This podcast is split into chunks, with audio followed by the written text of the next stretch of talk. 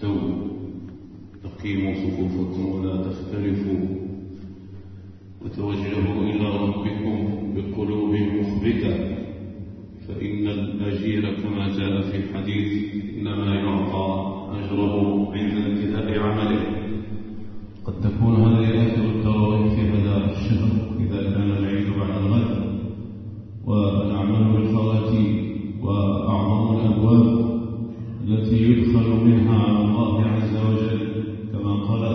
هو باب الافتقار والانكسار فافتقر لكي تنتصر.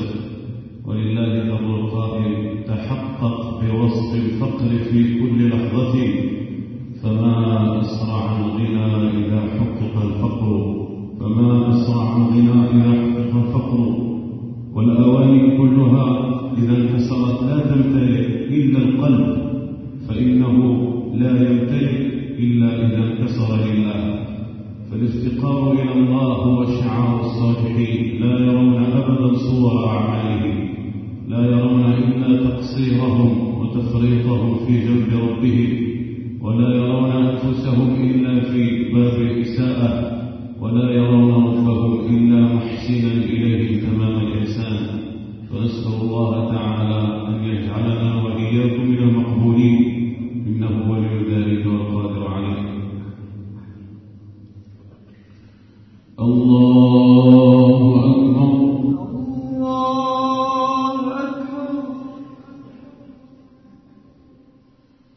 الحمد لله رب